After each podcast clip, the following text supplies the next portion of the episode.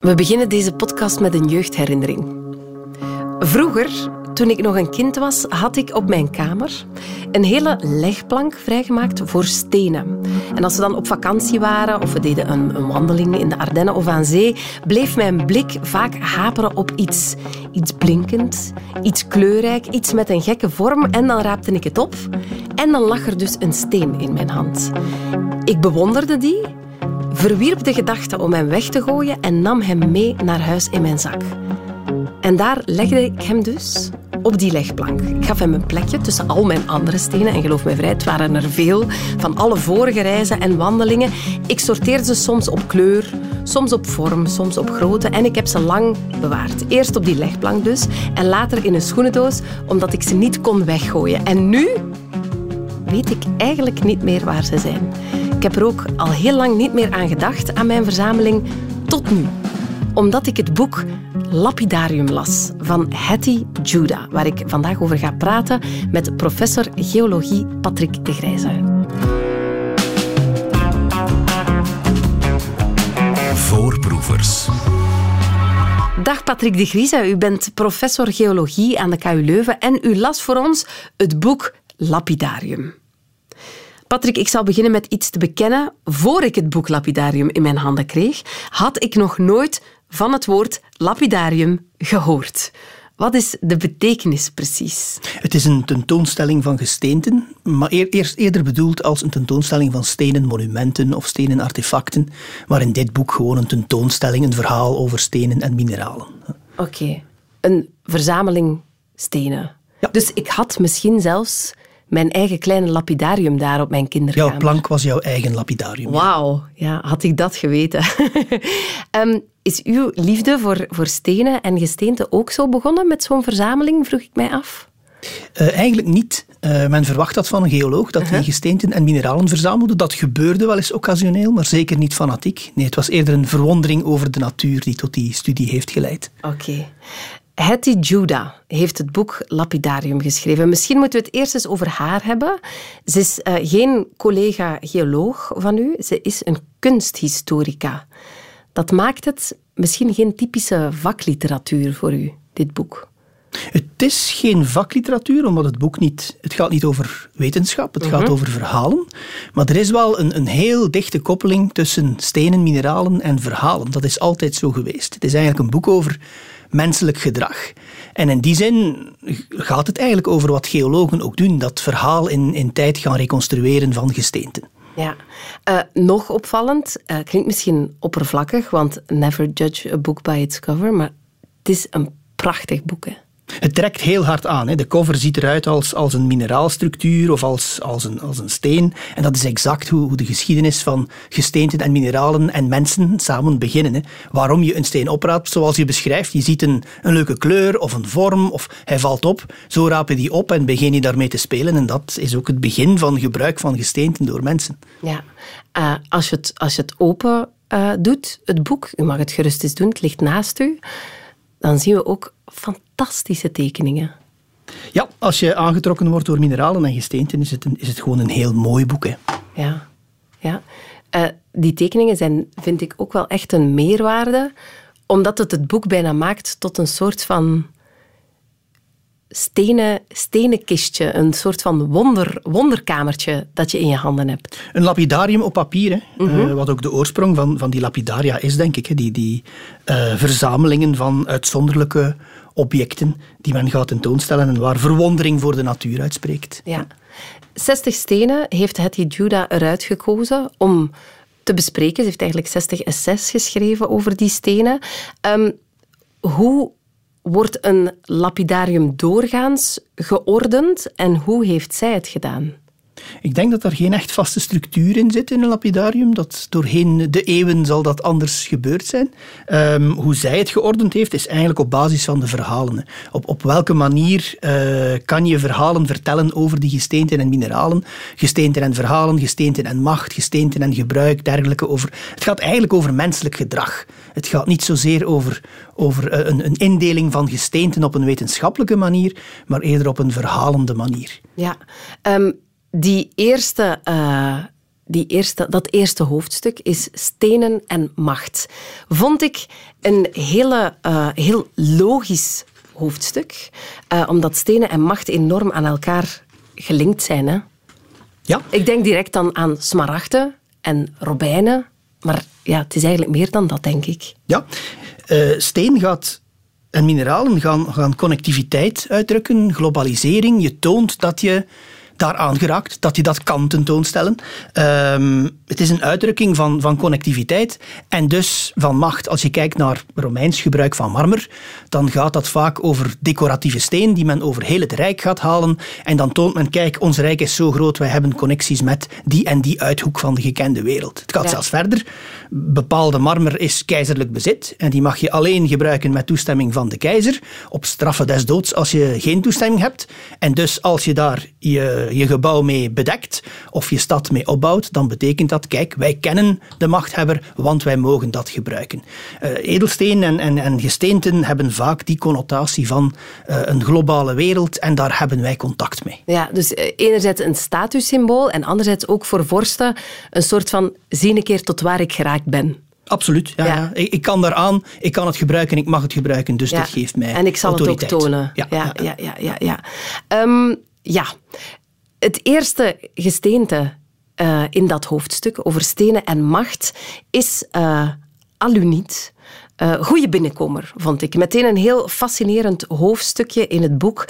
Uh, schrijfster Hetty Judah vond er trouwens de inspiratie voor bij ons in België, vertelde ze in een podcast. I really started becoming interested in alum when I was living in in Belgium, which was I guess about 15 years ago, and a, a friend of mine curated a very interesting exhibition about the color black. Um, and it was bringing together uh, artifacts from the Fashion Museum, the Mode Museum, but also from the um, the Royal Museum of Fine Arts in uh, mm. in Antwerp, um, which has got a magnificent collection of paintings, and looking at the importance of black and black clothing um, historically in Belgium. And I started to research around this a bit. Antwerp, Flanders was an incredibly important site of production for black cloth, and uh, at a certain point, it was given the papal the, the, the papal monopoly for alum in Northern Europe, and alum is tremendously important for dyeing.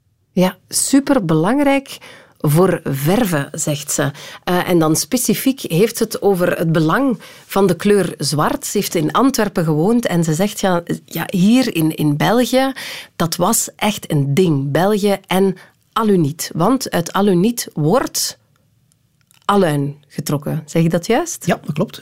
En daarmee kan je kleur beïnvloeden, kan je een chemisch proces eigenlijk maken om, om kleurstoffen te onttrekken of te zuiveren. En, en die associatie tussen mineralen, gesteenten en kleur is er altijd geweest. We zijn begonnen met waarom raap je een steen op omwille mm -hmm. van de kleur.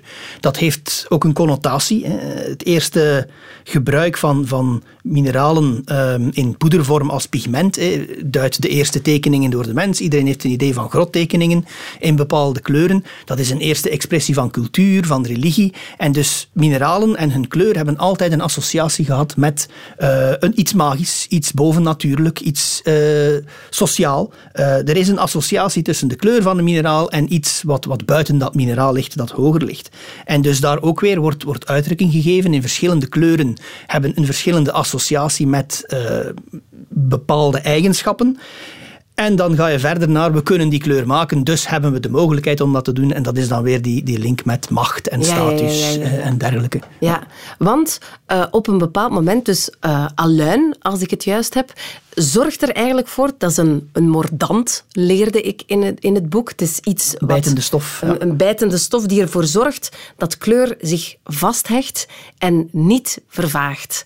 Op een bepaald moment wordt er uh, in, in uh, de geschiedenis gevochten om dat aluin. Uh, misschien niet letterlijk, maar er wordt wel om gestreden om het in, handen te krijgen. En ook de paus gaat er zich mee moeien, las ik. Ja, uh, steen is nooit onschuldig. Hè. Steen en mineralen. Er zijn altijd redenen om ervoor te vechten. In de oudheid is het misschien iets, iets religieus of bovennatuurlijk. Dan wordt het iets economisch. Vandaag ook nog. Ehm, geologie is niet onschuldig. Het gaat om, om, kritische metalen, het gaat om circulaire economie, om grondstoffen. Uh, dat is altijd zo geweest. De, de, de redenering erna, er, erachter, hè, dus de waarom uh, men er om vecht, verandert een klein beetje. Maar edelstenen hebben zich zo, en, en steen algemeen, zich zo in menselijk gedrag, omwille van uiterlijk vertoon of omwille van chemische processen die dat uiterlijk vertoon gaan gaan helpen, uh, zijn die grondstoffen zo belangrijk dat men er oorlogen over voert. En aluin is daar een vroeg voorbeeld van. Ja, ja want aanvankelijk waren we voor onze weelderige uh, gekleurde stoffen afhankelijk van Constantinopel. Daar was aluin in overvloed. Daar werd geverfd in alle kleuren van de regenboog. Dus we moesten voor onze mooie rode, gele, blauwe hemdjes moesten we naar daar kijken. Maar wat gebeurt er dan? Ja, het gaat over controle over die processen. Hè. Er, zijn, er zijn nu eenmaal weinig stoffen die, die voor dergelijke heldere kleuren kunnen zorgen.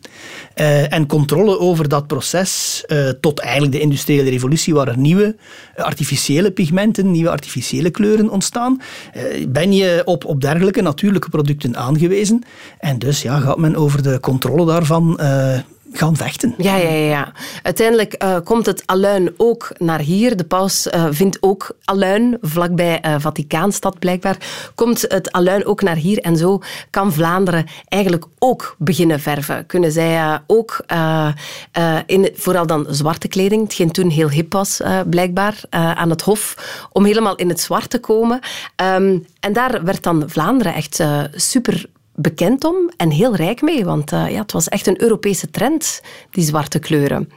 Um, ja, die kleur, je zei het sowieso, Patrick, ik wil het daar absoluut over hebben, want ja, kleuren en stenen, dat is gewoon echt de magic, hè?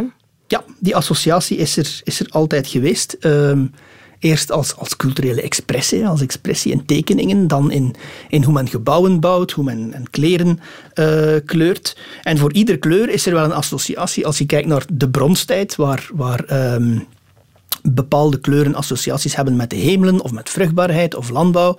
Dat zet zich voort en die kleuren blijven in menselijk gedrag heel belangrijk. Blauw is zoiets typisch, hè, wat men eh, eerder, uh, eerst associeert met, met water en leven en de hemelen. En dan later ook in religieuze uh, depicties. Hè, um, het blauw als in, in religieuze kledij of, of in boekkunst. Ja, de maagdelijkheid. De maagdelijkheid, de, de, de uh, de, de mantel van de maagd Maria is altijd in een bepaald blauw met een bepaald soort pigment. En voor men daar um, artificiële pigmenten kan voor maken, chemische pigmenten kan synthetiseren, gebruikt men natuurlijke mineralen, eh, bijvoorbeeld kobaltmineralen die men gaat uitbaten, of lapis lazuli als, als, uh, als mineraal dat men uit Afghanistan gaat aanslepen. Dat is weer een, een teken van die globalisering. Men heeft dat bereik, men wil dat tonen en het heeft die speciale magische associatie. Ja, ik vraag mij af, uh, omdat je nu zo een paar stenen laat vallen, hè, bijvoorbeeld hm? lapis lazuli, we hadden het dan ook over die aluin. Ik vraag mij af hoe doorheen de geschiedenis uh, plots duidelijk werd dat een steen een bepaalde waarde had. Want als je, ik dacht eerst schaarste, maar natuurlijk als je een steen voor de eerste keer ziet liggen, dan weet je nog niet van, ah ja, daar zijn er weinig van. Waar, waar, eerst kleur, uiteraard, maar hoe, hoe worden stenen waardevol? Waarde is natuurlijk, dat varieert doorheen de tijd. Hè. Wat waarde is, dat kan bij associatie zijn, dat kan een economisch proces zijn. Maar laat ons teruggaan naar Linde, die op het strand uh, stenen verzamelt. Waarom raap je dat op? Omwille van kleur of een vorm, het valt op. En als je dan zou gaan kijken, neem nu een baby, wat gaat hij met iets doen als, als hij iets nieuws ziet, uh, wat opvalt? Ja, is, is mee gooien, of is aan proeven, of is tegen elkaar kloppen. En zo ga je eigenlijk je steen kunnen transformeren. Uh, als die breekt en die heeft een scherpe rand, ah, dat kan nuttig zijn om te snijden. Ja. Uh, als je die verpoedert en die heeft een bepaalde kleur die je makkelijk kan smeren, ah, je hebt een pigment. Um, als iets heel zwaar is, ah, je kan ermee kloppen als iets um, vervormbaar is, neem nu gedegen metalen. Hè. Koper komt in de natuur als mineraal voor. Dat is vervormbaar. Als je daarop hamert, dan krijg je een, een metalen plaat eigenlijk, goud hetzelfde. Ja, dat merk je en dat kan je beginnen gebruiken. En dus daar heb je een eerste uh, gebruik van mineralen in, in grote categorieën, uh, als pigment, als, als artefact of om te bouwen, om te kleuren. En dan de volgende stap is, als je controle hebt over vuur, per ongeluk of in een gecontroleerd proces, als je zaken gaat transformeren, smelten. Uh, het gaat van kleur veranderen, het gaat zelfs van vorm veranderen. En je ziet ook die, die associatie met een heel magisch proces komen. Als je bepaalde mineralen met een bepaalde kleur en vorm in een vuur gooit, onder bepaalde omstandigheden, loopt daar metaal uit. Wat, wat moet dat voor een vaststelling geweest zijn? Ja, ik was het mij net aan het voorstellen. Stel je voor dat we daarbij waren geweest. Dat, dat moet wat geweest zijn. Dat moet eerst iets toevallig geweest zijn, waar je, die, veel van de mineralen die als pigment gebruikt worden, gewoon in verpoederde vorm, zijn ook ertsen en kunnen dus metaal produceren. En, en als je, dan zie je dat, ja, als dat toevallig gebeurt, dat we controle hebben over vuur en we gebruiken pigmenten, breng je twee samen en plots heb je metallurgie. Die ontstaat waarschijnlijk per toeval en dan meer en meer een experimenteel gecontroleerd proces. Maar het gaat, en veel van de verhalen in het boek gaan ook over, over verandering. Hè. Het, het, het, onveranderlijke van gesteente, wat we zien als onveranderlijk, kan eigenlijk getransformeerd worden naar, naar een volledig nieuw materiaal dat nuttig is of, of een bepaalde connotatie heeft. En dat is dat magische proces van, van, van bewerking. En wat je ook dan makkelijk kan associëren met iets bovennatuurlijk. Als je een mineraal met behulp van vuur kan veranderen in iets als een metaal. Wat voor een vaststelling moet dat geweest zijn? Ja, uh, ik hoor je zeggen magisch. Uh, en en, en ik, uh, bij alles wat je vertelt, Patrick, schitteren je ogen. Ik moet wel zeggen, een van de dingen die ik bijleerde uit het boek was en daar had ik nog nooit zo over nagedacht, dat sommige stenen eigenlijk gewoon gemaakt zijn van uit, uitwerpselen Vol, ah. zit, vol zitten met kak, eigenlijk. Daar kwam het, kwam het op neer. ja, nu, er is, er is een, een, wetenschappelijke definitie van een mineraal en een gesteente. En dat wordt in het boek niet echt gevolgd. En dat is ook niet nodig. Een coproliet mhm. is inderdaad versteende uitwerpselen. En dat kan chemisch transformeren naar wat we eh, technisch, eh, geologisch een mineraal zouden noemen.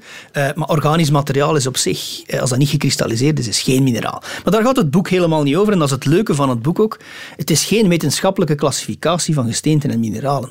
Het gaat over namen die iedereen wel eens gehoord heeft of mhm. kan herkennen en de verhalen, de associatie daarbij. En dat kan iets wetenschappelijk zijn, dat kan iets magisch, religieus zijn, dat kan iets heel praktisch zijn. En dat is het leuke aan, aan al die verhalen. Maar een coproliet is inderdaad kak, eigenlijk. Ja, coproliet, kak. Oké, goed, zo ga ik dat klasseren in mijn hoofd. Dank je wel daarvoor. Um, je mocht van mij nog een steen kiezen uit het uh, lapidarium van Hetty Judah en je koos voor Old Red Sandstone. Ik was verrast dat je daarvoor koos, want op het eerste zicht oude rode zandsteen klinkt onnoemelijk saai. Eh, veel studenten zouden misschien akkoord gaan. Eh, ja, het, gaat, het, het is een, misschien de minst spectaculaire steen in, in het boek. Uh, doodgewone rode zandsteen. Mhm. Maar het verhaal erbij, of, of de, de uitleg erbij, um, die de auteur geeft, is prachtig omdat het over zoveel zaken tegelijk gaat. Het gaat over wetenschap en magie en religie en dat verhalende. Dus het begint... Ja, wat, wat, vertelt ze dan precies? Ja. Wel, ze begint met, met de datering. Hè. De, de, Old Red Sandstone heeft eigenlijk een heel belangrijke rol gespeeld in, in het ontstaan van geologie en van datering. Uh, geologen spreken vaak over deep time.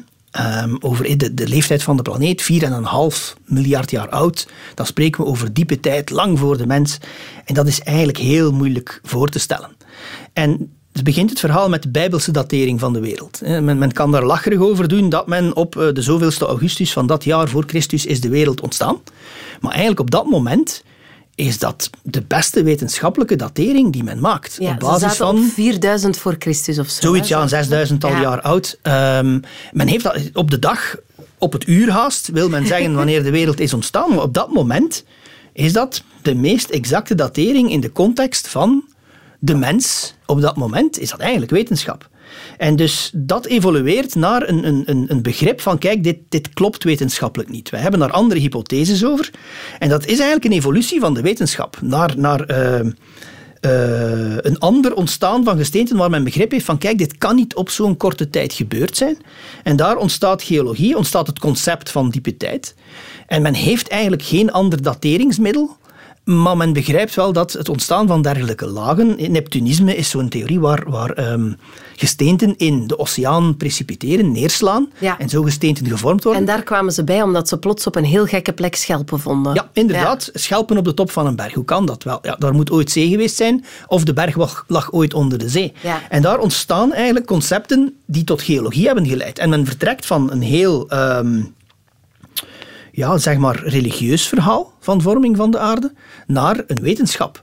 En die beide kunnen, kunnen naast elkaar bestaan. En dat is die, dat verhaal van die Old Red Sandstone geeft dat, geeft dat weer, hoe dat gebeurd is in de jaren 1700, 1800. Ja, en ze vertelt het ook goed, hè, want op een bepaald moment zitten we in een roeibootje met drie schotten, geloof ik, Ja, ja, ja. die eh, op expeditie zijn en die daar van alles vinden wat hen ineens doet beseffen van hoe we het altijd hebben gedacht. Ja. Dat kan eigenlijk gewoon niet. Ik kan mij voorstellen als geoloog, daar gaat u goed op natuurlijk. Daar had u bij willen zijn. In Ja, groep. absoluut. Ja, dat is het ontstaan van die wetenschap. Hè. Ja. Nu, wat ik als geoloog, geoloog doe, is, is het, is het ehm, gebruik van stenen en mineralen doorheen de menselijke geschiedenis bekijken. Dus dat, dat verhalende aspect, dat rituele aspect, magische versus de wetenschappelijke klassificatie, is voor mij heel interessant. En je ziet inderdaad hoe die realisatie komt van die, die vroege geologen, om ze zo te noemen.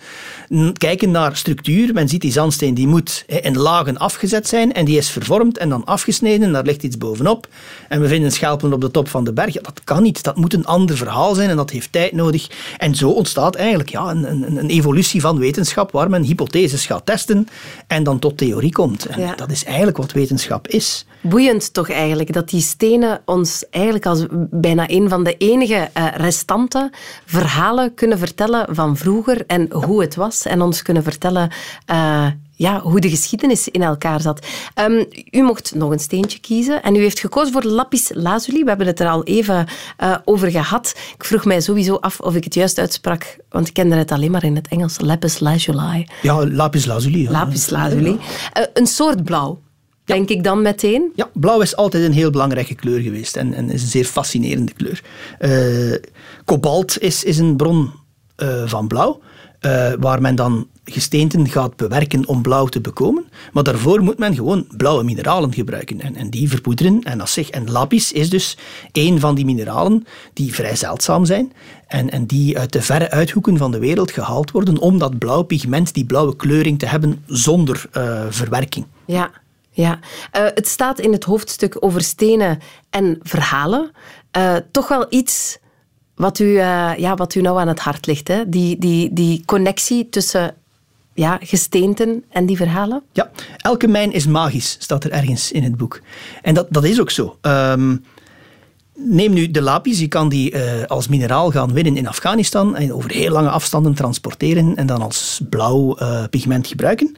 Maar je hebt ook kobaltertsen over heel de wereld en dan kan je een, een product dat eigenlijk weinig spectaculair is, een beetje paars gekleurd, kobaltmineralen, en die kan je chemisch gaan bewerken en dan krijg je plots een, een pigment, een kleurstof, kobalt, die donkerblauw kan maken met, met heel, heel weinig.